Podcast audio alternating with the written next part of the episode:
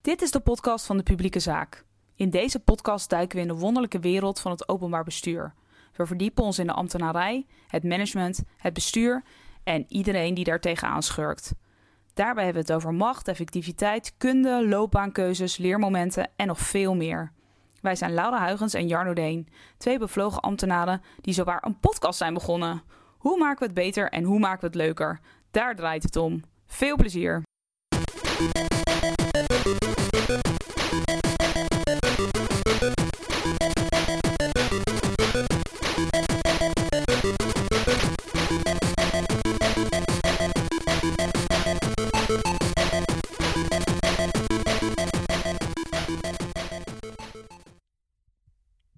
deze podcast praten we met Martine Leeuwers, wethouder voor GroenLinks in Leiden. Het is een leuk en interessant gesprek over het ambt van wethouder en wat dit nu zo bijzonder maakt. Verder gaan we dieper in op het fenomeen beeldvorming en waarom dit zo belangrijk is in de huidige politiek. Heel veel luisterplezier met deze podcast. Nou, Martine, dankjewel dat we hier mogen zijn. We zitten hier in het prachtige stadhuis van Leiden. Met, plek in eh, Leiden, inderdaad. Ja, nou prachtig. Met prachtige hallen en glas- en loodramen. En eh, op jouw kamer, de kamer van de wethouder. We zitten hier vandaag met Martine Leeuwens. Ehm, Martine, eh, jij bent wethouder voor GroenLinks van de gemeente, bij de gemeente Leiden. Eh, we hebben natuurlijk heel recent eh, de provinciale en de waterschapsverkiezingen gehad.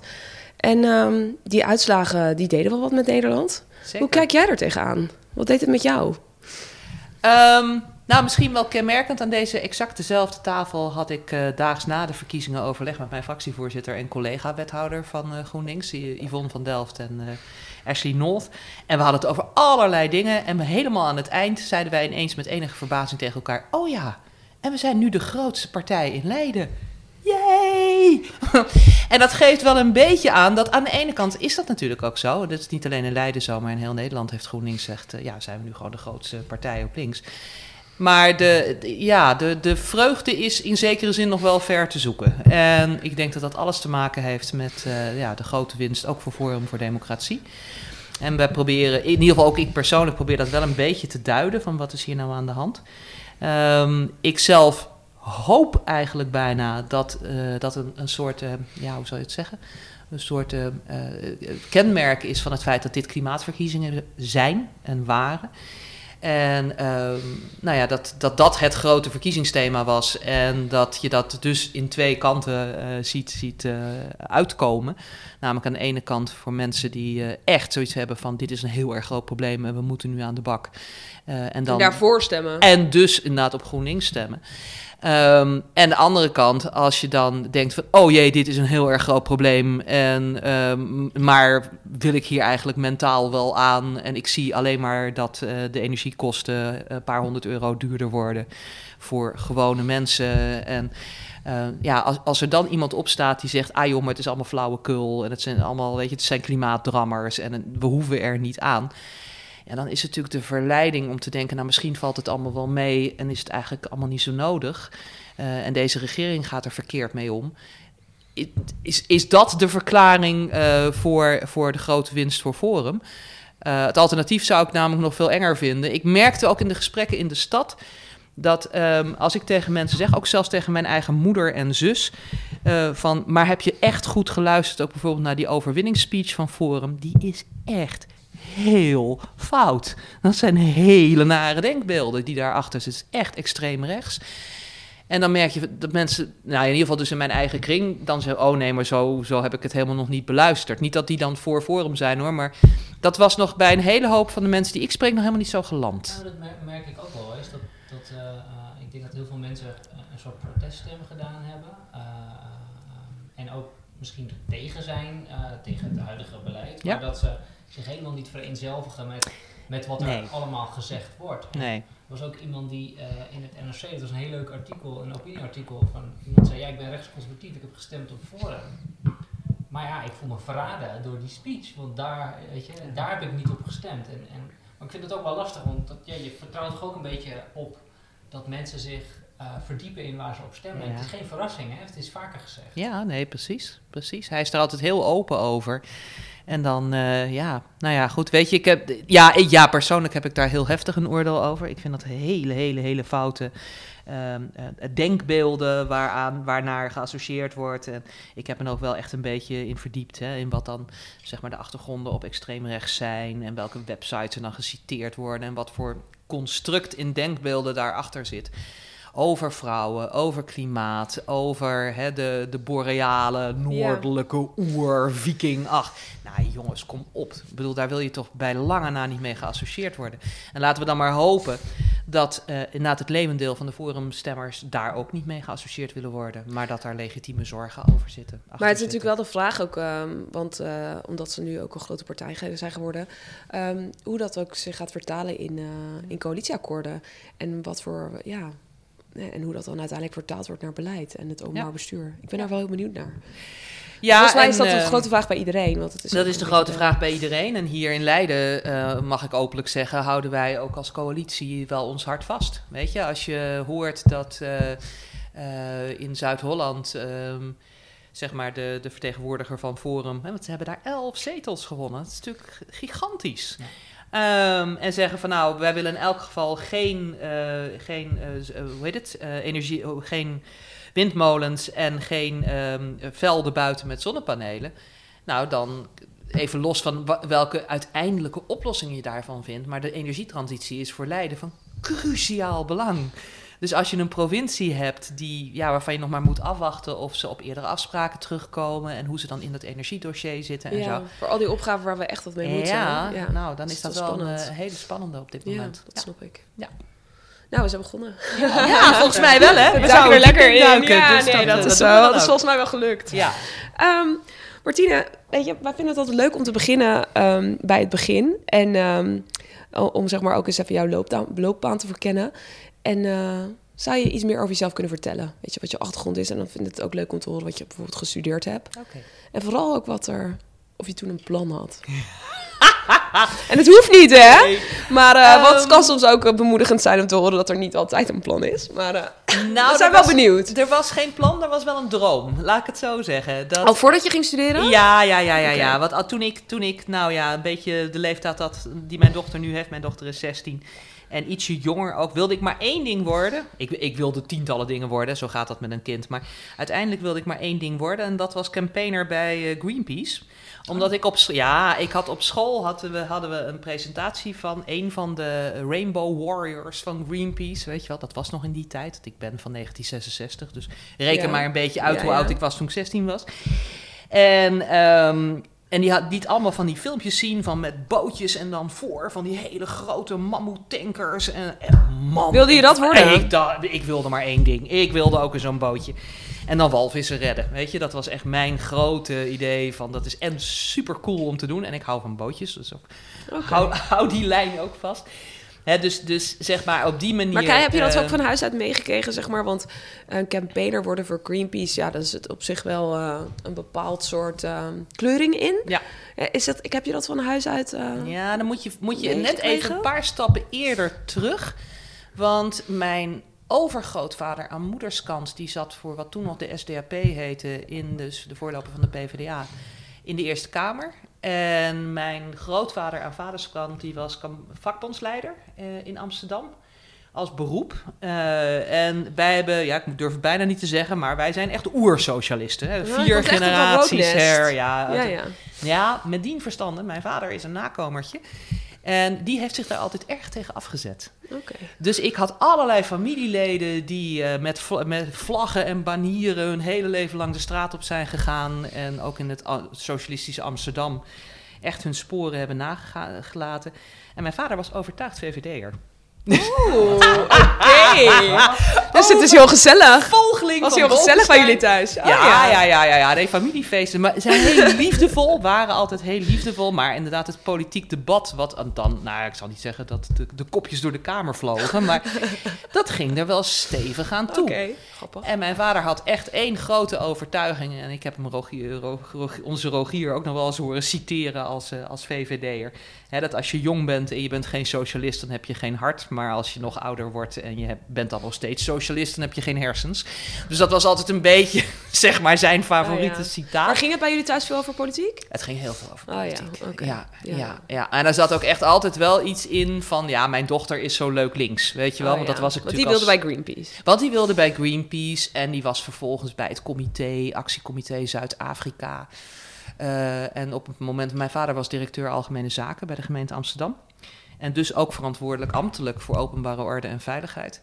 En op een gegeven moment dreigde ik s'nachts te ontsnappen om bij Shell, eh, hoe heet het, dingen door te snijden, weet je, op benzinestations. En daar is hij voor gaan liggen. Hij heeft me maar één keer in mijn leven Hoe heeft hij oud me was je toen? Ja, dat zou ik ook een jaar of 17, 18 Oh, ja, geweest oké. zijn. En ik moet eerlijk zeggen, dat zegt misschien ook wel iets over de relatie met mijn ouders en dan met name met mijn vader, dat ik dat ook wel weer snapte. Weet je, dat als hij zijn dochter, je uitgerekend hij zijn dochter van een politiebureau moest ophalen. Dat is Oh, dat- onhandig. Ja, Niet dat helemaal dat niet was. helemaal fijn was, dat snapte ik ook wel. Maar ja, Maar toen wilde je bij Greenpeace. En Ja. maar, wat, eh, maar wat ben je toen gaan doen? Wat heb je voor, heb je voor opleiding gedaan? Nou ja, ja, dan zou je denken, dan gaat ze biologie doen of zoiets, maar dat was dus niet zo. Dat had er Want je bent niet bij Greenpeace gegaan, Ik- toch? nee, Nou, wel een beetje. altijd, ja, uiteindelijk, nou nee, nee, niet activistisch. Niet in zo'n bootje. Niet in zo'n bootje. Nee, op het moment dat ik de kans kreeg, ben ik wel campagneleider bij de dierenbescherming geworden. Maar dan zijn we alweer een ik paar gezien, stappen ja. verder. Ja, dus weet je, het komt er wel een keertje uit. Maar qua studie ben ik eh, in eerste instantie geschiedenis gaan studeren in Amsterdam. En eh, vervolgens, ehm, ik ben ook een beetje zeg maar een soort gemankeerd cultureel antropoloog. Ik had toen een hele reis, toen ik 19 was, in het Midden-Oosten gemaakt. En dat wilde ik veel beter snappen. En toen eh, ben ik overgestapt naar Leiden en daar ben ik dus nooit meer weggegaan. Ehm, ben ik, eh, zeg maar, ja, wat dan tegenwoordig expansiegeschiedenis heet. Dat is koloniale geschiedenis. Ah, oké. En dat, ik ben afgestudeerd op een onderwerp wat eh, eigenlijk het meeste te maken heeft met, eh, met, met beeldvorming. Met wat is er nou eerst? Hè? Een stuk in de krant over ehm, ehm, eh, weapons of mass destruction, zal maar zeggen, in het Midden-Oosten. Of ehm, gewoon het politieke besluit. Nou, dat heb ik voor Egypte heb ik dat helemaal gereconstrueerd. Dat onderzoek heb ik in Cairo gedaan. Daarvoor ben ik Arabisch gaan studeren erbij. Om ook Oh. werkelijk van binnenuit, nou ja, bijna Ja. gewoon een soort vergelijkend onderzoek te doen. Wat is de macht van beeldvorming? Hoe lang Dat- heb je in Cairo gezeten? Half jaar. Oh ja, Ja, half jaar. leuk. Ja, dat is ontzettend gaaf. Ja. En dat vond ik dan ook altijd wel weer heel leuk. Dus, dus het idee van, van de betekenis van woorden en van taal en van beeldvorming en van vooroordelen. en was dat ook al het idee eh, toen je geschiedenis ging studeren om daar iets mee te doen? Of was het ook Wel, gewoon nee. je interesse in... eh, Nee, nee, totaal niet. Nee hoor, ik ben eerst algemene geschiedenis. Hè. Je hebt gewoon een normale Ja, propenduis in ja. Amsterdam. En vervolgens ben ik sociaal-economische geschiedenis gaan studeren. Wel vanuit een soort hè, idee van het gaat niet over de grote machtshebbers. Het gaat over het gewone volk. Ja, ja. En, eh, en dat vond ik, hoewel het, het idee me erg aanspreekt, vond ik de studie verschrikkelijk in Amsterdam. Echt. Want je was, eh, op het moment dat ik een reconstructie moest maken van de make-up-industrie in Gouda. En dan allemaal van die boeken moest tellen van hoe gaat dan de product. Make-up is een bepaalde kleurstof. En, nou, nou, werkelijk, sorry. Dus Daar dat was was ik- het niet. Nee, dat was het niet. En toen ben ik dus een hele reis op Midden-Oosten gaan maken. Om ook een beetje te bedenken van wat wil ik eigenlijk. En dat Midden-Oosten was eerlijk gezegd enigszins toevallig. En ehm, nou ja, toen had ik dus ineens van, weet je wat, hier wil ik meer van weten. Oh, Niet ja. van die make-up-industrie in Gouda, maar van Ja, ja. hoe is deze geschiedenis tot stand gekomen. Dat vind ik interessant. Ja, je had dus iets met beelden en woorden. En met cultuur. En toen? Met culturen. Nou, dat, toen ben ik hier afgestudeerd. Toen kwam ik tot de ontgoochelende conclusie dat dat een hele interessante studie is. Zeker ook op het moment dat je eh, intussen alles weet over islam en over... Maar dit is wel 1990. Mhm. En toen had... Werkelijk, ik was de enige in Leiden die in dat vak afstudeerde. Nul interesse voor. Er waren misschien vijf studenten islamologie. Dat is gewoon... dat, dat kan je nu niet meer voorstellen. Maar dat was toen... Was dat gewoon geen onderwerp. En... ehm, dus, dus natuurlijk, weet je, dan heb je expansiegeschiedenis gestudeerd, staat heel stoer op je cv en je, je gaat proberen een baan te vinden. Nou, nada. Hè. Dus ik ben wel meteen gaan werken in allerlei leuke baantjes, maar met die studie kon ik met alle respect helemaal niks. Ehm, dus toen ben ik me gaan kijken van, nou ja, wat is, wat is nou hier nog een beetje bruikbaar in? En dat was persoonlijk inderdaad toch altijd nog de politiek. Gewoon, Ja, ja. met allerlei actiegroepen en eh, ja, wa- wat je dan doet. Maar dat leidt ook niet ogenschijnlijk tot veel betaald werk, zal ik maar zeggen. Ehm, en dus achter de, da- daarnaast ben ik gewoon een communicatieopleiding gaan doen. Van als je nou beeldvorming en taal en dat soort dingen interessant vindt. Ja. Ja, ja, dat heb je er nog bovenop gedaan. Ja, dat heb ik gewoon er bovenop gedaan. Ik ben zelf stage gaan lopen. Notabene nog in dit gemeentehuis. Dat was echt wel heel grappig. En eh, waar uh, Hette Kwispel, die hier nog steeds rondloopt, dat is heel leuk, mijn oud stagebegeleidster. Die zei van, oh wat interessant, je doet iets met communicatie en Arabisch. Nou, dan ben je migrantenvoorlichter. Dus Oh, oké. ja, zo gaan die dingen soms. Dus ik heb ontzettend leuke dingen met de Arabische Vrouwenvereniging hier gedaan. En ik heb, nou ja, weet je, zeg maar gekeken van wat kan je dan met minderheden. Dit was dus nog steeds in 1990, 1991, Ja. hier in de stad. En toen ben ik gaan werken als overheidsvoorlichter. En dat was mijn eerste echte baan. Overheidsvoorlichter. In Berkel en Rode Reis toen nog. Dat was de enige plek waar ze me wilden hebben, weet je wel. en ik had een academische opleiding en de burgemeester. En dat was het wel zo ongeveer. Ja, dat Hoe, groot was die organisatie toen? Berkel? Ah, ja, goede vraag. Volgens mij hadden ze toen iets van 12 tot 15.000 inwoners. Dus dat is een heel klein gemeentelijk Ja. apparaat. Ja. Intussen zijn ze ook gefuseerd. Ehm, maar het bijzondere is wel, het is helemaal onder de rook van Rotterdam dat. En ehm, kijk, ook al heb je maar één heel complex gezin met schuldenproblematiek en verslaving en weet ik wat niet allemaal meer. Die problematiek is net zo ernstig als wanneer je er 300 hebt. Ja. Maar ja, je moet dat er wel dan op de een of andere manier als gemeente zien te managen. En ehm, nou, dat, ik heb daar wel heel erg veel geleerd. Ook van wat een overheid dan kan en doet. En hoe oud was je nu inmiddels, ongeveer? Nou, wat zou ik geweest zijn? 25, 26, Oh, oké. zoiets. Ja, ja. Ja. Nee, dan weet een beetje... eh, Ja. Oké, dan ging je daar... En hoe lang heb je daar gewerkt? Drie jaar. En heb- Oké, ja, maar je eerste baan in drie jaar tijd leer je natuurlijk superveel. ja, ja, ja, Want ja, je komt Ja. eigenlijk nog zo bleu eh, van school af en zo. Je leert een beetje wat werken is. Ja, Ook dat, Ja. ook dat. Ja, nee, ja volgens mij is je leercurve je- ontzettend ster, eh, ja, was je toen ook al politiek actief? Niet in de mate waarin ik dat nu ben. Ik had een hekel aan politiek. Dat had ik een beetje dus van thuis overgehouden. Ik was wel altijd heel erg druk bezig met, met wat we dan chic het maatschappelijk middenveld noemen. Dus met allerlei eh, actiegroepen en belangengroepen en dat soort dingen. Daar deed ik altijd wel dingen voor. Dus steeds een Ehm, beetje in de actiemodus. Ja, Ja. ja, ja, ja. De daaropvolgende baan was dus ook als campagneleider bij de dierenbescherming. Dus dat is... Ja, want Ja. kwam je daar dan, hoe kwam je daar dan terecht? Was dat dan ook via je netwerk? Nee, of, eh, totaal. je Nou ja, eh, in zekere zin wel. ehm, maar niet zoals je zou denken misschien. Want ik ben een vervolgopleiding gaan doen als senior communicatieadviseur. En Ja. Ik blijf niet mijn hele leven lang in zo'n kleine gemeente hangen. Dus ik wil, ik wil daar wel in groeien. En bovendien vind ik het altijd leuk om dingen te leren. Dus dat is een, Ja. ook een soort constante. Dus ik, ik ben gewoon een vervolgopleiding weer gaan doen.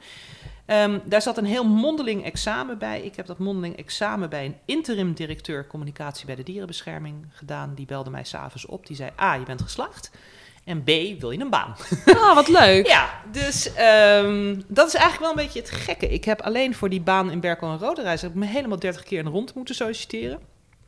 En was ik een van de 200, weet je wel. Zo'n, zo'n, nou ja, Oké. En dat is eigenlijk de eerste en de laatste keer. En ja, dat is Ja. dus allemaal een beetje via... via ja, heel vaak gevraagd. Ja. Ja, ja, ja. Nou, leuk toch? Tot en met voor deze baan als wethouder. ja, ja. ja. Grappig dat het zo'n rode draad is. Ja, ja. Sorry. Hmm. En ehm, Hoe was de switch dan van zo'n van een, van een ja, gemeentelijke orga- kleine gemeentelijke organisatie naar inderdaad een, actiemo een actiemodus van de dierenbescherming? Dat is toch iets, of, of werkt dat eigenlijk ook als een gewone organisatie, zo'n club? ja, en was dat dan ook een soort droombaan? Dat je zegt van, joh, ik was altijd een beetje in de... Ja, nou ja, ook weer anders dan je zou denken. Ehm, in, misschien, want ehm, ik heb nergens zoveel van hardcore commerciële communicatie geleerd als daar.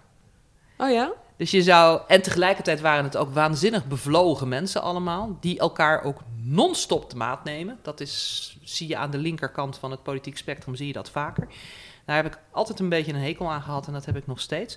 Dus dat vond ik heel ingewikkeld, weet je wel. Dat, dat echt tot en met de spread die je op je brood deed tijdens de lunchpauze... en de mate van kruidenthee, die, wat gewoon zelfs normale zwarte thee kon niet, weet je wel. Dat was al, Al- Alles een Alles- dingetje. alles waar je vooroordelen over Het viel me wel meteen op dat je aan de sterrenmunt zit, maar Ja. daarover later meer. Ja, nee, ga verder. Ja, nee, ja, zo zie je maar. Ja. ja. Ehm, nou ja, dat, dat, weet je, dat, dat, soms worden mensen bijna clichés van zichzelf, omdat ze dus in, in alles wat ze doen daar consequent in proberen te zijn. Ehm, en dat vond ik af en toe hoogst vermoeiend. Het goede nieuws was ook weer dat ik daar collega's had die dat in overtreffende mate hadden, net als ik, en met wie ik het verschrikkelijk gezellig heb gehad. En die tot op de dag van vandaag goede vrienden van mij zijn. Oh ja, dus zo leuk. werkt het ook. Ja. Ehm, en tegelijkertijd, weet je, ehm, zo'n club als de dierenbescherming toen hoor, want ik heb echt geen idee hoe het nu in elkaar zit, want het is echt al een tijd geleden. Maar toen was dat echt zo, hè, waren we, ehm, eh, hadden we geen subsidies of niks, dus we waren voor ons hele verdienmodel afhankelijk van onze leden en gewoon van donaties. En dat betekende dat eh, we als communicatieteam, weet je, je had dan tien foto's van zielige katjes. En dan gingen we gewoon met een focusgroep kijken welk katje het meeste tranen opwekte. En dat werd het katje op de poster. Dat je echt denkt van, wow, oké, zo werkt dat dus. Ja. Maar, eh, Maar zo werkt het natuurlijk ook. Voor een deel. ja, ja, en ik blijf daar altijd een wat gemengd gevoel bij houden. Want eh, ja, ik, blijkbaar ben ik toch wel heel erg van de inhoud ook. En een, een soort constante worsteling bijna, weet je. Het verhaal moet ook wel ergens op slaan. Facts-free politics heb ik ongelooflijk de schurft aan. Dat, dat het, ja, maar dat het een beetje te cheap voelt of zo. Ja. Ja, ja. Ja, ja. Een soort effectbejag. Ja. Dat, is dat een continu? Want ik herken dat heel erg. Dat, dat je. ehm, dat inhoud is, vind ik ook heel belangrijk. Ja. Maar je weet ook dat je het op een gegeven moment los moet laten. Ja. Eh, is dat Ja. iets wat je, wat een soort ook, wat je nu nog steeds wel eens hebt? Ja, Eh, ook in constant. Constant, constant, constant. Ik had vanmorgen ook, we hadden een crisisoefening hier als college. En ergens is dat dan ook wel leuk, dat is een serious game. En ik kom dan met de meest inhoudelijke oplossing. Die me- het ethisch meest verantwoord is. Maar waarvan je je op een aantal onderdelen ook afvraagt, is dit nou helemaal handig? maar maar eh, ja, dat, dat is blijkbaar toch mijn kijkrichting. En tegelijkertijd moet je dus getraind worden en ontwikkeld worden, zeker als politica, om in one-liners te denken. In, in niet ja, hoe zeg je dat? Niet, niet het meest optimale wat je kan verzinnen, maar gewoon hetgene wat werkt. Ja. En waar je draagvlak mee krijgt en waar je meerderheden op weet te verzamelen. En waar je. Ja, dat je ook goed kan verkopen buiten. Ja. ja. Ja, ja, ja. Nee, het compromis gaat mij niet van nature heel gemakkelijk af. Maar tegelijkertijd denk ik ook wel, want dat was wel het, het, het leuke, ook weer vanmorgen. Zei de rest ook wel een beetje eh, jaloers tegen mij. Van ja, maar jij hebt wel de mooiste oplossing. Dus blijkbaar is een soort. Ja, zo to hell with the rest. En ik leg nog maar even niks uit. Ik ga gewoon zorgen dat het opgelost wordt. Werkt soms ook weer wel. Dus nou ja, je moet er in ieder geval, denk ik, dan maar eentje in het college hebben. Ze moeten niet allemaal zo zijn. Ja, je moet elkaar natuurlijk idealiter Ja. aanvullen als team. Ja, precies. Dat, is, dat is natuurlijk het, uiteindelijk het mooiste. Precies. Ja. Maar ik heb toch altijd nog steeds wel een beetje dood of de gladiolen, weet je wel? Van, ja. Nou ja, goed. Dat, je moet niet allemaal zo zijn. Dat realiseer ik me heel erg. Maar dat is dus wel een, een, eh, dat is wel iets wat je vanuit die klus of vanuit die baan heb je dat wel mee kunnen nemen. Dat je Ja. die, die commerciële ervaring. Ja, ja, ja, ja, ja, ja. had ik dat ook niet verwacht bij zo'n Nee. club. Maar het is eigenlijk natuurlijk heel logisch. Ja, omdat, het is eh, heel logisch. Ja, Want uiteindelijk, weet je, onder de streep telt alleen op een gegeven moment met hoeveel leden je bent. En dat geldt voor een politieke partij ook, hè. Dat is echt... Na dood of de gladiolen is leuk. En ik ben actief geworden binnen GroenLinks op het moment dat het heel slecht ging met de club. Oké. Eh, maar gewoon omdat dat hetgene was waarvan eh, ik dacht van ja, nou, waar kies ik voor? Hè? Wil ik hier een baan in? Wil ik hier mijn carrière van maken? Of wil ik gewoon gelijk hebben? Nou ja, ik had dus zoiets van ja, nou, ik ben trouw aan mijn idealen. En dus ik word actief bij een, bijna een splintergroep waren we toen. Ja, ja. Het werd in de jaren daarna alleen maar erger. Want wanneer ben je actief geworden dan? Nou, zo'n 15 jaar geleden. Oké. Ja, dus toen een tijdje ging het heel goed. En toen kregen we Jolande Sap. En toen zaten we gewoon met, wat was het, drie, vier mensen in de kamer en zo. Ja. Nou ja, dat is... Ik weet niet precies de getalsverhouding op dit moment. Maar volgens mij was dat dus kleiner dan de Partij voor de Dieren. Weet je, dus dat is... Dan ben je echt klein. Nee, ging op een gegeven moment ging het natuurlijk niet zo goed. Nee, Nee. dat weten we allemaal wel. Nee. Maar, maar waarom heb je dan uiteindelijk... ehm, ik weet niet, want jij bent, je zegt, ik ben ongeveer 15 jaar geleden Mhm. actief geworden in politiek. En waar zitten we dan zeg maar in je, in je loopbaan? Oh, dat was Zitten nee, maar... grappig. Ja, nee, dat, hoe lang heb je eh, bij de dierenbescherming gezeten? Ongeveer? mm, Nou, ook weer een jaar of drie. ja, ja. Eh, Oh, dat is ook niet zo dus, Nee, nee dit, dit, ik heb eigenlijk het langste bij Arcades gewerkt. En dat was van 2000, nou ja, ongeveer 13 jaar. Terugrekenend vanaf 2018. Dus dat was... ja, eh, ja. Wanneer is het? 2004. ben ik En tijdens je volgens mij gaan arcade staat ben je ook bij, eh, bij GroenLinks gegaan? Ja, want Ja. die tijd ben ik ook bij GroenLinks gegaan. Oké. Ja. Ja. Ik zag dat je eh, op je LinkedIn dat je voorzitter van GroenLinks bent Ja, geweest. Is klopt. dat, ben je ook meteen als voorzitter begonnen? Ja, bijna wel. Ja. Oh ja? ja? Ja, nee, dat was wel grappig. Hoe ging dat dan? Ja. Mm, nou ja, ook gevraagd. Oké. En, en ook wel, want dat, dat zit er ook altijd wel een beetje in. Ik ben nooit betalend lid. Ja, ik betaal natuurlijk keurig hoor, daar niet van. Maar ik, ik hou er niet zo van om, eh, als ik ergens achter sta, om dan te doneren en te denken, nou ga ik weer gewoon door met mijn eigen leven. Ik vind altijd wel dat je daar persoonlijk, dat je er dan ook iets mee moet doen. Ehm, dus het eerste overigens wat ik deed toen ik bij GroenLinks actief werd, was wel nog eventjes heel erg twijfelen van, oké, ik wil hier wel lid van worden en hoe gaat dat dan? Ja, want waarom, waar, waarom, waarom heb je dat dan gedaan? Want uiteindelijk zei je, je zei eerder, ik was een beetje worst van politiek, Ja. hoefde er niet zo nodig in. Nee. En toen heb je op een gegeven moment gedacht, ik ga er toch in. Nee, dat had te maken met. eh, ehm, eh, eh, rond die tijd was ook die eh, befaamde film van eh, Al Gore, weet je Ja. wel, Inconvenient Truth. Ja. Nou toch, eh, als we de rode draden proberen een beetje vast te houden. Voor mij zijn ze logisch en misschien voor jullie ook. Alles wat ik doe heeft te maken met communicatie, met beeldvorming, met, met aan de andere hè, de ene kant gewoon kijken wat is hier nou echt aan de hand en eh, tegelijkertijd hoe staat het in de krant en wat is het effect daarvan. In de tussentijd ben ik namelijk ook nog eh, eh, bestuurskunde gaan studeren. En een van mijn favoriete kreten bij bestuurskunde is: What people perceive to be real is real in its consequences.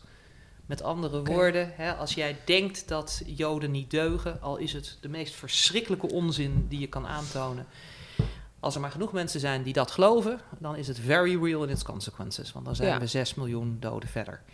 Dus dat vind ik nog steeds een van de meest aangrijpende en verbijsterende concepten. Dat percepties ook feiten zijn. En dat je dus niet met een soort. Mijn man is super beta en eh, heeft ook echt in Delft gestudeerd. En die heeft altijd nog het idee van ja, maar als je nou bijvoorbeeld klimaatwetenschap, als je het aantoont, ben je klaar. En dat vond ik ook het meest indringende van die eh, film van Al Gore. Die oprecht had, ik maak een hele presentatie over het effect van klimaatverandering, toen al. Ja. En dan presenteer ik dat in de Senaatscommissie en dan is morgen de wereld anders.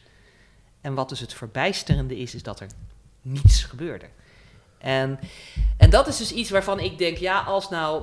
Dus je moet Maar raakt je dat dan? Raakt je dat dan? Was, want lag je daar dan wakker van? Of had je daar echt ideeën over? Of zat je wat inderdaad die theorieën die je nu vertelt, weet je, over, die, eh, over beeldvorming en hoe dat in mensen, hè, hoe mensen naar dingen kijken, dat ze Ja. dat inderdaad als waarheid aannemen. Was dat gewoon, is dat gewoon iets waar je dan altijd een beetje eh, mee speelt in je hoofd? Ja, of gewoon wel. iets dat je. Ja. En is dat dan ook. Maar waar- waarom heb je dan bedacht, nou, ik ga er, ik ga er wat mee doen? Nou ja, kijk, in zekere zin had ik natuurlijk van communicatie al mijn vak gemaakt. En Ja. ik was ook campagneleider geworden. En ehm, het, het is ook een vraagstuk wat me fascineert. Dus er zit altijd bij mij een soort intellectuele nieuwsgierigheid bij en een soort behoefte bijna. Ik, ik wil ook nog altijd promoveren. dat is echt... eh, Oké. dat is, Nou, je hebt een hoop studies gedaan. dus Ja. op zich, eh, ja, nee, daarom. Wie weet. Daarom. Nee, nee er zijn al, ik, ook daar ben ik al een paar keer gelukkig voor gevraagd. Maar ja, dan moet je nog een keertje de tijd vinden. Maar daar, daar zit wel een soort. Ik wil het snappen. Ik wil het echt snappen. Ik wil ook, maar dan met name ook de psychologie van mensen wil ik snappen. Dus dat, dat, hè, die foto's van die zielige katjes en dat je daar dan ook wat mee doet en dat dat bijna manipulatief is, dan wil ik ook wel weer snappen. Maar wat doet dat in jouw hersens dan? Waarom werkt de ene manipulatie beter dan de ander enzovoort? ja, ja. Ehm, maar dan is dus de vraag van ja, oké, dat, dat als ik nou Al Gore was geweest en ik had die presentatie gehouden, had ik het dan beter gekund? Dat is, wat, wat gebeurt er dat, dat er niks gebeurt? En, dat, dat, en daar kan, nou of ik er wakker van lig, ja, voor een deel wel. Ik kan daar echt wel buikpijn over krijgen. Dit zijn ook typisch dingen die ik met bier op het terras met mijn vrienden. En dat zo, mijn vrienden zijn ook allemaal zo, weet je, je hele debatten over hebt van hoe kan dat, hoe kan dat, hoe kan dat. Ehm, en tegelijkertijd ook wel van de problemen zijn dermate groot dat je daar ook over na moet denken. En dat je dus ook, nou ja, ehm, daar op de een of andere manier wat mee moet. Ehm, dus aan de ene kant ben ik altijd erg bezig geweest. Ook dus in al die tijd bij Arcades was ik vooral bezig met beeldvormingsprocessen. En met wat beeldvorming met besluitvorming doet. Oké. En eh, stel dat je een goed besluit wil nemen, hoe zorg je dan dat de beeldvorming zodanig tot ja, urgenties leidt en tot. Nee, dat betekent ook weer dat je bij gebiedsurgenties aan moet sluiten. Daar kan ik wel een heel, heel verhaal over hebben. Ehm, maar dat bleef me wel fascineren. Maar tegelijkertijd vond ik ook wel van ja, ook hier. eh, ehm, eh, is, de- de- de- ja, op een gegeven moment moet je ook gewoon je centjes verdienen. En eh, vond ik het heel erg leuk dat de Arcades directie graag iemand zoals ik Ja, tot ja. hun stal wilde hebben. Ja. Omdat ik geen ingenieur ben en geen bouwer en geen rekenaar en geen tekenaar, maar iemand uit een hele andere hoek. Ja. En, eh, en zij vonden dat juist, ze wilden, ze hebben me echt drie keer gebeld en de derde keer pas zei ik ja. Nou ja, dat, dat, is- dat ja, want is toen ging je naar leuk. een adviesbureau. Ja, toen ging ik naar een adviesbureau. En tegelijkertijd, dus parallel daaraan, werd ik politiek heel actief. Ja, ja, maar goed, als je iets, echt iets wil veranderen, dan moet je natuurlijk de politiek in, uiteindelijk. Ja, Tenminste, daar had er dus zijn best wel mensen die die mening zijn toegedaan, over. maar ja, ja, ja. dat vond ik niet vanzelfsprekend trouwens. Hoor. Ik heb grote bewondering bijvoorbeeld hier nu voor Marijn Tinga, met wie ik vrij veel eh, optrek. Hè, dat is de, de plastic soepvisser. En, Ja. Nou ja, daar, daarvan denk ik van, dat, had, dat kan ook. Weet je, dan, Ja, ja. dat, dat is, nou ja, als het net misschien iets anders was gelopen, dan, dan was ik meer nog in die hoek blijven hangen. En van de ludieke acties, maar ook van het echt agenderen van issues. Ik weet niet uiteindelijk wat heel veel effectiever is, wat hij doet of wat ik doe. Maar, maar ja, goed, dingen lopen zoals ze lopen. Ja. En eh, er zit ook een heel groot element van toeval in. Ehm, maar wel een bepaald soort gedrevenheid. Ja. Ik denk dat dat wel onze is. podcast gaat natuurlijk over het werken voor de publieke zaak. En Ja. als je voor een, een, ehm, een adviesbureau als Arcades werkt, dan werk je natuurlijk ook wel voor, eh, veel voor de overheid. Alleen maar Want je bent een eh, geval, soort ja. hofleverancier natuurlijk. Maar, Ja. ehm, maar ik kan me ook wel voorstellen dat je hebt ook een specifieke rol. Ja. Je, zit er niet, eh, je zit er niet zelf en je wordt vaak natuurlijk ingehuurd om advies te geven. En je, ja, je bent ook heel vaak niet van de lange termijn. Nee, klopt. Dat is ook implementatie van plannen. erbij. En, Nee, ook ja, precies want je daar frustratie bij? Ja, nee, zeker. Kijk, het heeft heel veel voordelen eh, om bij een adviesbureau te werken. Ehm, je- hebt ongelooflijk intelligente, slimme, leuke collega's. Dat is niet dat dat bij de publieke zaak niet zo is. Maar, ehm, nou ja. Dat, die, je, die had je gewoon bij Arcades. die had ik gewoon ja. bij Arcades. Ja. Ehm, het heeft ook een, de bevrijdende werking dat je niet tot elkaar veroordeeld bent. Dus als het, even, als het even geen klik is, dan werk je de volgende keer over een maand in een ander team. En dan.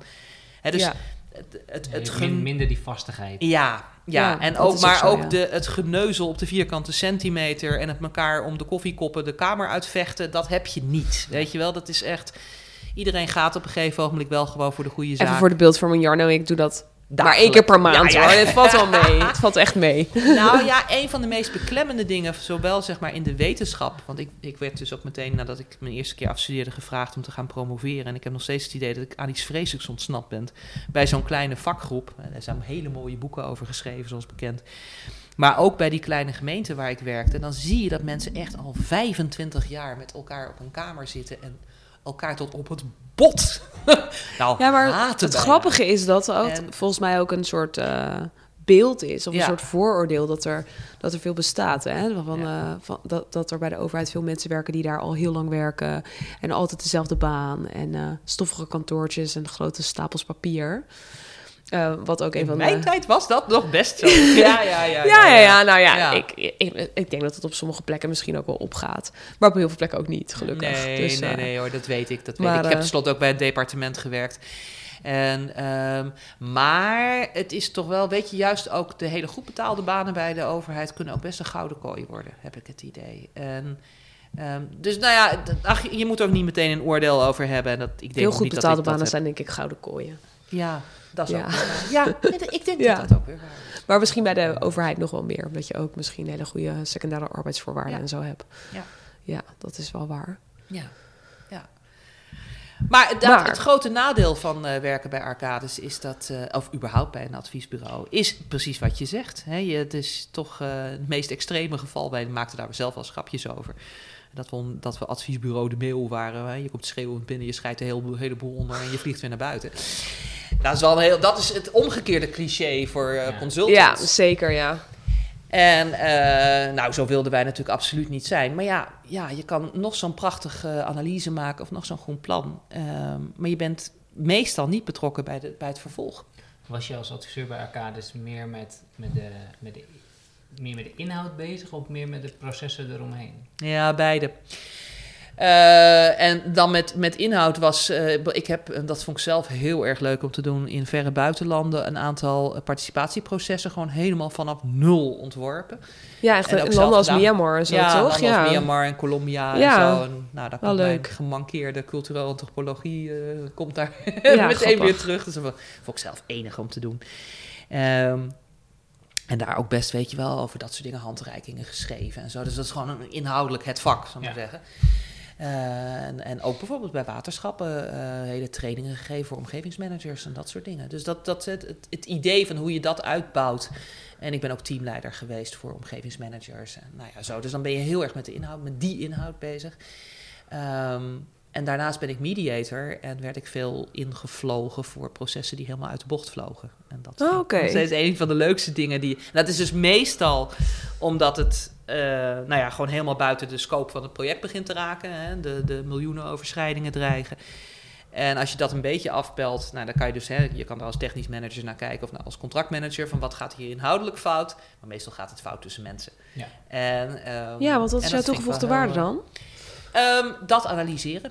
Ja. Kijken wat je met mediation doet, is gewoon eh, eigenlijk bijna zonder oordeel kijken van oké, wat is jouw verhaal en wat is jouw verhaal. En zorgen dat jouw verhaal weer aankomt bij hem en andersom. Weet je, en dan, daarvoor moet je Spelen met woorden. spelen met woorden en met gesprekstechnieken en doorvragen en ook kunnen verbinden en dat soort dingen. En op een gegeven ogenblik samenvattingen kunnen maken van hetgeen je hoort, waar net de jeukwoorden uit zijn. Weet je, dat het is bijna spelen met taal inderdaad en dat is heel leuk.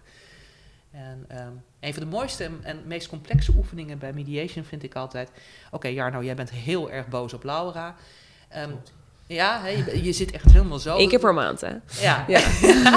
ja, nee, ga verder. Nee, maar dat is, dat is heel interessant. Mensen die heel kwaad zijn, die kunnen niet meer naar elkaar luisteren. Dat is niet Ja, dat ja. jij dat niet kan, maar als jij gewoon maar opgefokt genoeg Ja, bent, ja. Ja, dat, dat alles is wat zo. zij zegt, frame jij in jouw eigen boosheid. Ja. En vice versa. Dus de oefening die ik je dan laat doen, is gewoon herhaal eens wat ze zegt. En dan ga jij niet herhalen wat ze zegt, maar herhalen wat jij denkt dat ze zegt. Of eigenlijk zegt. Of Ja. eh, zo. En hoe bozer je bent, hoe, hoe, hoe, hoe meer gekleurd dat wordt, hoe meer bevooroordeeld het wordt. En als ik je dat laat opschrijven, dan is een heel mooi inzicht, wat, wat gelukkig vaak aan tafel ontstaat, is dat Laura en ik dan samen zeggen: Ja, nou, dat zegt ze niet. Nee, precies. Het enige wat ik je vroeg was letterlijk herhalen wat ze zegt.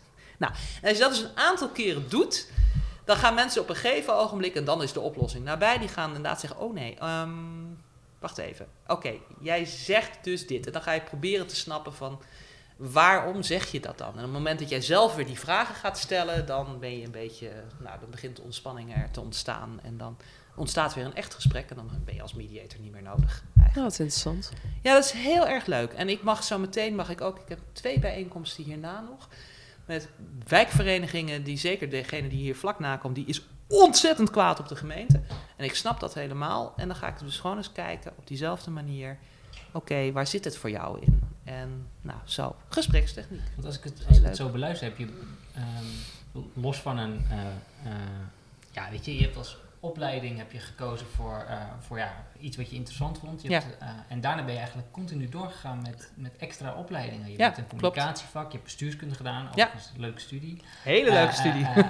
Nee, valt mij ook op, inderdaad. ja, Veel opleiding. mediation, dat Ja. zul je, dus zul je ook een traject, want je bent Ja, echt, ja, ja, ik echt ben mediation coach, je bent gediplomeerd. ik ben gediplomeerd mediator, ja, dus je klopt. bent, heb je, eh, is dat een soort bewuste keuze geweest van ik wil me graag door blijven ontwikkelen? Of is het gewoon oprechte interesse dat je dingen leuk vond die op je eh, pad kwamen? Ja, ga je- echt ja. allebei. Echt allebei. De weten, wel, het is- het is zo'n cliché-kreet hè, van een leven lang leren. Maar ik geloof daar ook echt in. Ik zou het een ongelooflijk benauwende idee vinden, ook voor mijn eigen kind, dat ze zometeen 22 is en dan klaar. Weet je wel? En dan, zo, dat is het en dan tot haar dood. Dit wordt ik. dit ja. wordt het. En nou, dat, dat kan je je niet voorstellen. Ik bedoel, dat... Toch, to- toen ik klaar was, was ik, was ik, ik was wel even klaar toen. Ja, wel. tuurlijk. Toen Dat ik afgestudeerd was ook. Ja, Maar dat duurde een jaar en toen kwam ik dus tot de conclusie dat ik er een heel erg interessante studie had gedaan, waar ik niet zo heel veel mee kon. En dat je dan toch gewoon wel weer... eh, Maar had je dan, maar het is wel een beetje, het is leuk om te leren, dat herken Ja. ik wel. En dat wordt ook weer anders als je naarmate je ouder wordt. Want inderdaad, op een gegeven moment hè, krijg je weer een drive om achter dingen te komen en zo. Ja. Maar had je dan met al die opleidingen een soort van beeld, ik wil dat worden? Of ik Nee. wil dat worden en heb ik dat voor nodig, dus ik ga die opleiding doen? Of zit dan vooral aan de opleiding? Nee, het was echt gewoon een beetje... Een, ik, ik, toen ik wederom 16, 17, 18 was, eh, mijn allerdierbaarste vriendin, daar hadden we dan eindeloze discussies mee, hè? Ik, Ja. met haar. En zij is, en ik heb daar oprecht geen waardeoordeel over, maar dat had ik toen wel. Zij is rechten gaan studeren. En ik had zoiets van, why? Weet je, wat is... In, want ik ben ook, allebei mijn ouders zijn jurist, moet ik erbij vertellen. Ik ben oprecht met mijn vader naar de opleiding rechten gaan kijken. En ik denk van, er is gewoon niets wat mij hierin interesseert. En ik zeg van, Sabine, is dat voor jou dan anders? Nee, zegt ze. Maar daar kan je een goede baan mee krijgen. Oh, de telefoon gaat. Deze moet ik even opnemen, want ik heb piket. Dus Oh, oké, ja, ga je. Ja. Zo, eh, dat is even een kort intermezzo. Ja, want Martien heeft gebeld. ja, sorry. Nee, dat geeft Ja, niet meer, ja. dienst. Ik heb dienst, je hebt dienst en je bent eh, nou eenmaal wethouder van een van de grotere gemeentes in Nederland. Zo is het. Ehm, wij, ik vroeg me ook eigenlijk wel af, je bent, eh, je bent bij Arcades, daar hadden we het net een beetje Ja. over. En daarna ben je ook politiek actief geworden. Je bent bij een waterschap politiek actief Ja. geworden. Eh, hoe ben je bij Water Natuurlijk gekomen? Nou ja, dat was inderdaad ja, het is een beetje de story of my life. Ehm, Gevraagd, je bent gevraagd. Ja, ja, ja, ja, ja. Nou, in dit geval ook zelfs bijna geduwd uiteindelijk. Ehm, maar, weet je, geen moment spijt van gehad hoor, laat ik dat voorop stellen. Nou, eh, eh, want eh, politiek actief geworden op de grote vraagstukken die ik belangrijk vond. Klimaat, klimaat en klimaatadaptatie en mitigatie voor de vakmensen onder ons.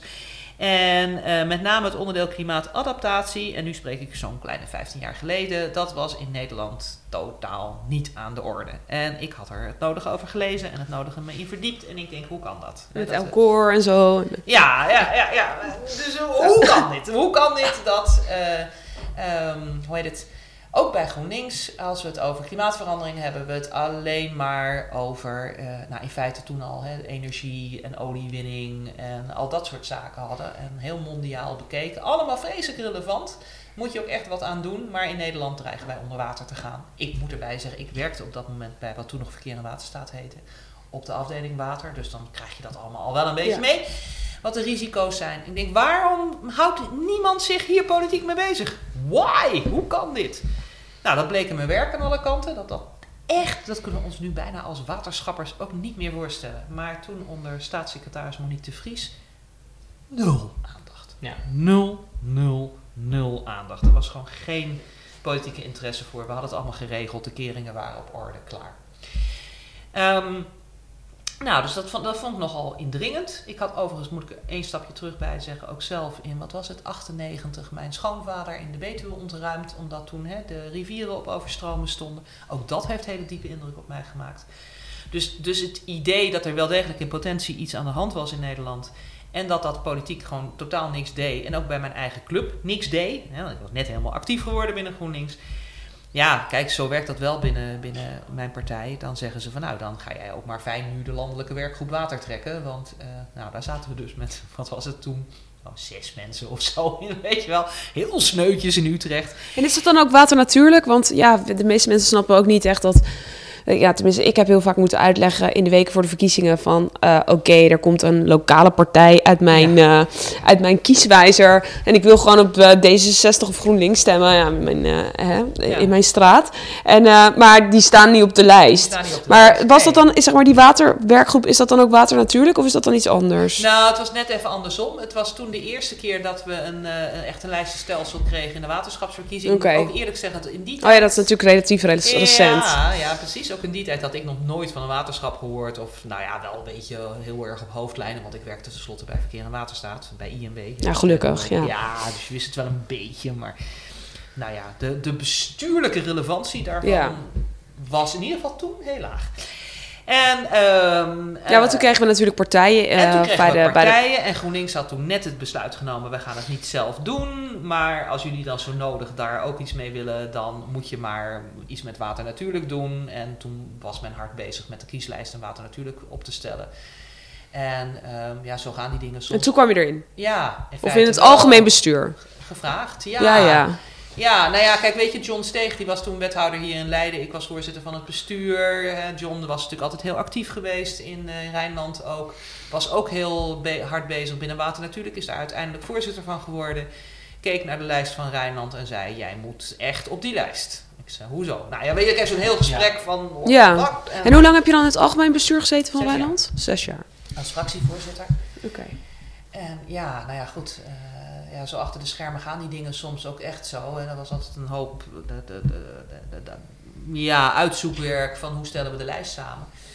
En eh, nou, om verder niet indiscreet te zijn, maar ineens stond ik op één bij de volgende verkiezingen. En toen moest, je ook, moest ik eigenlijk wel hoogheemraad worden. En, nou, dat, eh, ja, het is altijd wel, weet je, je moet ook je verantwoordelijkheid nemen. Dus als het zo gaat, iets wat eigenlijk een beetje begint als van put your money where your mouth is. En hè, je moet gewoon staan voor. Maar heb je daar nog over getwijfeld? Of eh, was het wel eh uitgevallen? Of vond je, vond je het vooral ook heel, heel tof en eh, dacht je, yes, ik ga erin? Als het even kan. Mm, Nou, dat laatste niet. In de zin van als het even kan. Het is meer zo van, oh my god, nu is Zag je het als carrière move? Nee, totaal niet. Oké. Nee, nee, nee, totaal niet. Nee, meer iets van, oh my god, nu kan ik niet meer terug. En, ehm, want ik had echt gezegd, ja, dat is toch wel even functioneel roddelen. Ik had gezegd bij, de, bij de, het samenstellen van de lijst, dus tussen mijn eerste periode en mijn tweede periode, ik wil op drie op zijn hoogst, want ik wil geen hoogheemraad worden.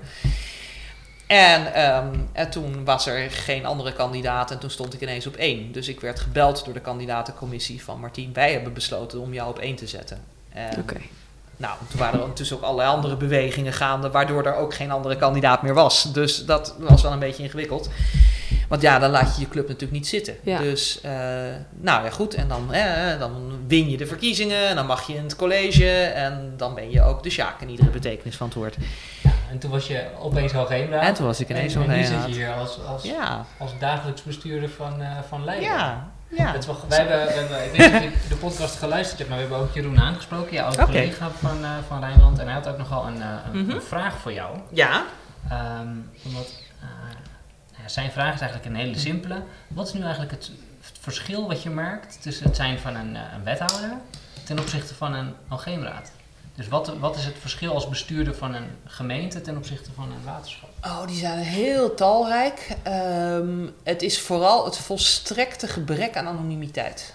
Eh, als je in je eigen stad wethouder wordt, ik kan echt hier beneden de markt niet meer over zonder dat ik staande word gehouden. En dat is best heel eerzaam. Het is ook meestal zijn mensen ongelooflijk betrokken en niet automatisch blij, zal ik maar zeggen. Dus het zijn ook niet altijd de makkelijkste gesprekken die je dan hebt. Mensen spreken je gewoon aan. Ja, constant. Ja. Constant. Echt constant. Dus zoals bij Over dingen die niet goed gaan? Ja. Of over van alles? Ja, van alles. Ja. Maar ik ben wethouder beheer openbare ruimte, mobiliteit en duurzaamheid. Dus het zijn ook wel de fysieke dingen in de stad Ja. die je merkt en waar mensen grote verwachtingen van hebben. Mm. En zoals mijn voorganger Robert Strijk heel mooi samenvatte, die zegt van ja, als je eenmaal wethouder bent, dan kan je nooit meer hollen om de trein te halen. Want je wordt altijd staande gehouden en omdat je staande wordt gehouden en je bent wethouder, blijf je ook staan. Ja, ja. Dus je mist elke dag je trein als je niet uitkijkt. Ja, ja. Ja, want je En- bent het ook altijd. Je bent het altijd. Dat is even voor de, even voor de, voor de luisteraars. Martine heeft een, een speltje van de sleutels op haar, eh, op haar kraagje zitten. Ja. Ehm, de sleutels van Leiden, Mhm. het wapen van Leiden. Eh, ik zei, oh, je hebt je speltje op toen ik, eh, toen ik net binnenkwam. Zei je, ja, ik heb mijn speltje alleen op als ik in functie ben. En toen vroegen wij ons af, joh, weet je al. Maar als je nou af. wethouder bent van een stad als Leiden, ben je dan ooit niet in functie? Nee. En het grappige is ook als je hier geïnstalleerd wordt, je krijgt een boekje wethouder in Leiden. 2018, dus het is ook speciaal gemaakt voor de nieuwe lichting, zal ik maar zeggen. En daar staat ook echt, zin 1 is wethouder in Leiden, ben je zeven dagen per week, 24 uur per dag, ook in je vakantie. Ja, dat snap ik wel. Ja. En eh, ja, dat is wel iets om rekening mee te houden. Vind je dat zwaar? In het begin vond ik dat heel zwaar. Eh, vooral ook omdat, nou ja, op de een of andere manier, eh, dus gezien ook waarschijnlijk gewoon de inhoud van mijn portefeuille, ik iedere dag in de krant stond met zulke foto's. Ja, dat ben ik natuurlijk ook niet gewend. En, ehm, en als je dan ook merkt dat met name je thuisfront zoiets heeft, en mijn dochter, puber die ze is, die zei ook meteen van, nou mam, een dag niet in de krant is een dag niet geleefd, hè? Ja, eh, ja, ja. Ja, je, Ja, maar dus ook ja. alle social media en alle komt er Ja. natuurlijk ook allemaal bij. Dus je bent gewoon heel erg in de Je spotlight. bent heel erg in de spotlight. En dat is, maar dat is ook wel, kijk, weet je, op een gegeven moment realiseer je ook, je hebt wel positiemacht daardoor. En, dus dat heeft niks met mij te maken. Maar op het moment dat ik een uitspraak doe, dan zegt, in Leiden is dat belangrijk. Ja, maar uiteindelijk doe dat ook. Ja, ja, Ja. tuurlijk. Maar dat is, dat is de positie die je hebt. Maar dat Ja. is dus ook jouw persoon. Want het kleeft nu aan jou. Dus dat is gek, Ja, want het is dat- natuurlijk, het kleeft aan de wethouder, maar jij bent die persoon. Dus ik kan me dat voorstellen dat, waar. het voor jou Dat is wel dat degelijk is- iets betekent. Ja, en daar moet je wel mee om leren gaan. En dat heeft best even bij mij geduurd. eh, omdat, om te beginnen, nou ja, je moet, inderdaad, je moet je gewoon bewust zijn van het feit dat je positiemacht hebt. En dat dat Ja, dat als jij iets zegt, is het ook gelijk iets. Dan is het ook gelijk iets. Dat kan je ook gewoon inzetten voor de dingen die je belangrijk vindt. Want ik zeg niet, ik maak geen punt van dingen omdat alleen maar ik er wakker van lig, maar omdat zo langzamerhand wij als GroenLinks echt iets willen met de stad. Wat niet iets is wat automatisch, eh, wat wel intussen echt collegebeleid is, maar waar, waar je af en toe hele stevige discussies op straat over gaat krijgen. Ehm, maar ik heb nu wel een positie om daar iets van te vinden. Ja. En wat dus groter is dan alleen maar mijn persoonlijke overtuiging. Weet je, we hebben echt een goed programma en daar sta ik voor. En nou, daar kan je wel een verschil over maken. En is dan, de, is dan het, het grote verschil dat je meer, eh, het is meer 24-7 en het Ja. is meer, maar ook gewoon meer impact? Ja, ja, ja. En, dan moet En hoe dus doe je dat dan? Ja. Hoe maak je die impact dan? Eh, nou, voor een deel door ook gewoon zelf je te realiseren dat je heel veel moet leren. Eh, en ehm, dat je, hè, wat macht van woorden Ja. en, en dat soort dingen. Je moet dus echt goed over je teksten nadenken. En je realiseren dat de camera's eigenlijk altijd aanstaan. En eh, dat je tegelijkertijd, en dat is de grote spagaat, hè, dat je bent zo geloofwaardig als je in staat bent om authentiek te zijn. Dus op het moment dat je al door met mail in je mond gaat praten, dan verliest iedereen de interesse en dan maak, maak je ook geen verschil meer. En ik ben hier niet om op de winkel te passen, ik ben hier om veranderingen in Ja. werking te stellen. Ja, ja.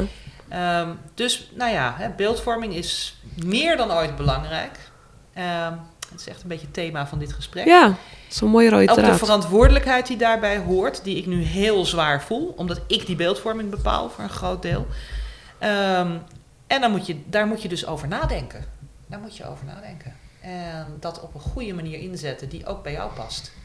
En dat is leren en soms je neus stoten, maar ik krijg- er wel veel meer aardigheid in zo langzamerhand. Want je gewoon merkt dat de manier waarop ik dingen eigenlijk soms al jarenlang doe, ehm, dat die met een klein beetje poetsen eigenlijk best wel heel goed werken. Ook op het moment dat alle camera's aanstaan. En, Ja, ja. nou zo. Oké. Ehm, maar het blijft, ja, nou ja, het, het, is, het is een leercurve. Ja, nou, dat snap ik heel goed. Ja. En kun je nou nog, want eh, je hebt heel veel verschillende type wethouders. Hè? Sommige eh, zijn ondernemer geweest, sommige. eh, en, en je hebt eigenlijk een, een, niet echt een ambtelijke carrière, omdat je, Nee. je bent wel ambtenaar geweest, maar je, je bent ook heel lang bij, eh, bij aan de slag geweest. Wat neem je nou mee uit je, uit je verleden wat je helpt als, als, als wethouder? En Hmm. andersom geredeneerd, als jij nu eens aan tafel zit met een aantal adviseurs, wat kun je hun dan weer makkelijker meegeven omdat je daar zelf... eh, Ja, of ons als ambtenaren. Ja, nee, precies. Nou ja, kijk, ik heb natuurlijk wel mijn hele leven lang bijna eh, ben ik of zelf ambtenaar geweest, of ik heb heel veel voor en met ambtenaren gewerkt.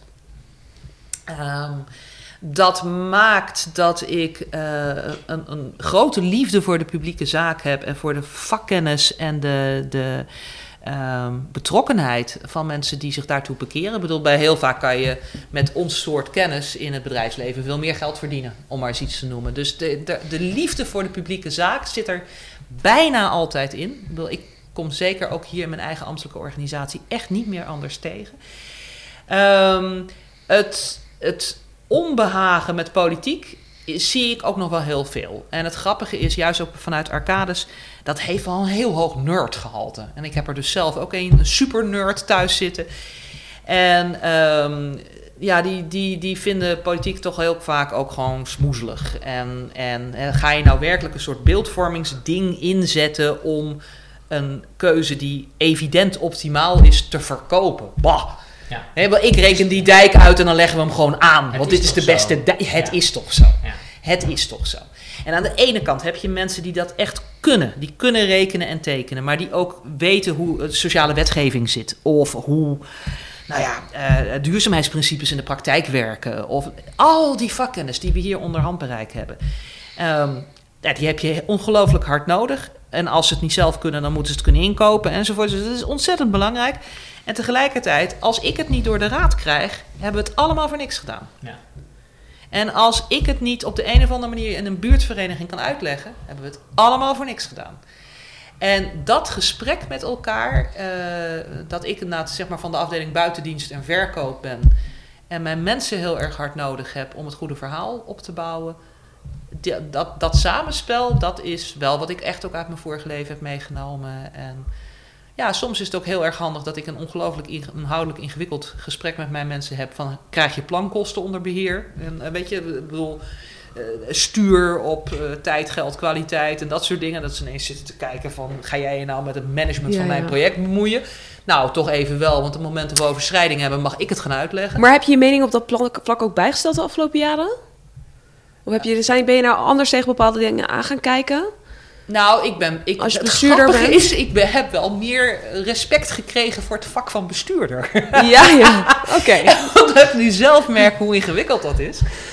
En, zegt zo breed lachend. ja, ja, nee, nou ja, goed. Ik, ik, ik was natuurlijk altijd een halve ambtenaar. En dan heb je een deel van, van de oppervlakkigheid en de, het slecht ingelezen zijn. En weet ik wel, alle vooroordelen die je ook bij bestuurders soms hebt. Eh, misschien kleine anekdote. Mijn, die- mijn vader, hij is eerder hier voorbij gekomen. Wij woonden in Amsterdam op driehoog met een echoend trapgat zo. Waar we altijd gewoon geen lift. En dan liepen wij van, boven naar, van beneden naar boven. En onze bovenbuurvrouw aan de overkant die had een heel klein hondje. En op het moment dat wij beneden de deur opendeden, begon dat hondje als een gek te keffen. En die hield niet meer op totdat wij binnen waren. Wat mijn vader stevast zei: Joh, hou je bek beest, je lijkt wel een wethouder. En Aha. dus als klein kind dacht ik serieus dat een wethouder zo'n heel klein hondje was. Wat als een idioot aan het keffen was in het trapgat. Dus ehm, dat, dat kleurt je beeld een beetje. En mijn, zoals gezegd, mijn vader was directeur al- algemene zaken. Dus die was ambtelijk directeur. En had Er hangen hier mooie plaatjes trouwens aan de muur van Leiden en zo. En van een bus van Arriva, maar niet van een kevend hondje. Nee. Dus het is niet iets dat een metafoor die je gebruikt van, Nee, oh, als je nee, af en toe nee, denkt nee. van... Nee, nee, precies. Ja.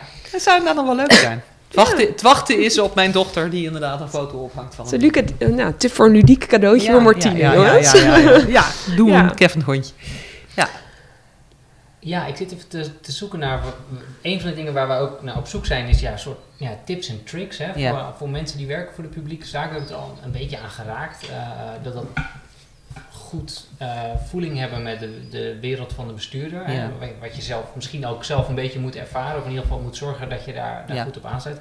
Heb je nog meer dingen waarvan je eigenlijk denkt, ja, als je nou echt impact wil hebben voor de publieke zaak, dan zou ik dit mee willen geven.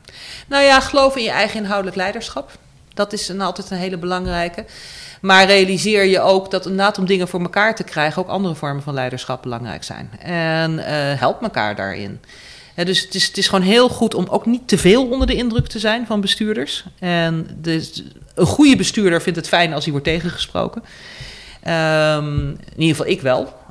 Maar goed, hè, dat, zoals gezegd, je hebt wel verschillende soorten leiderschap nodig.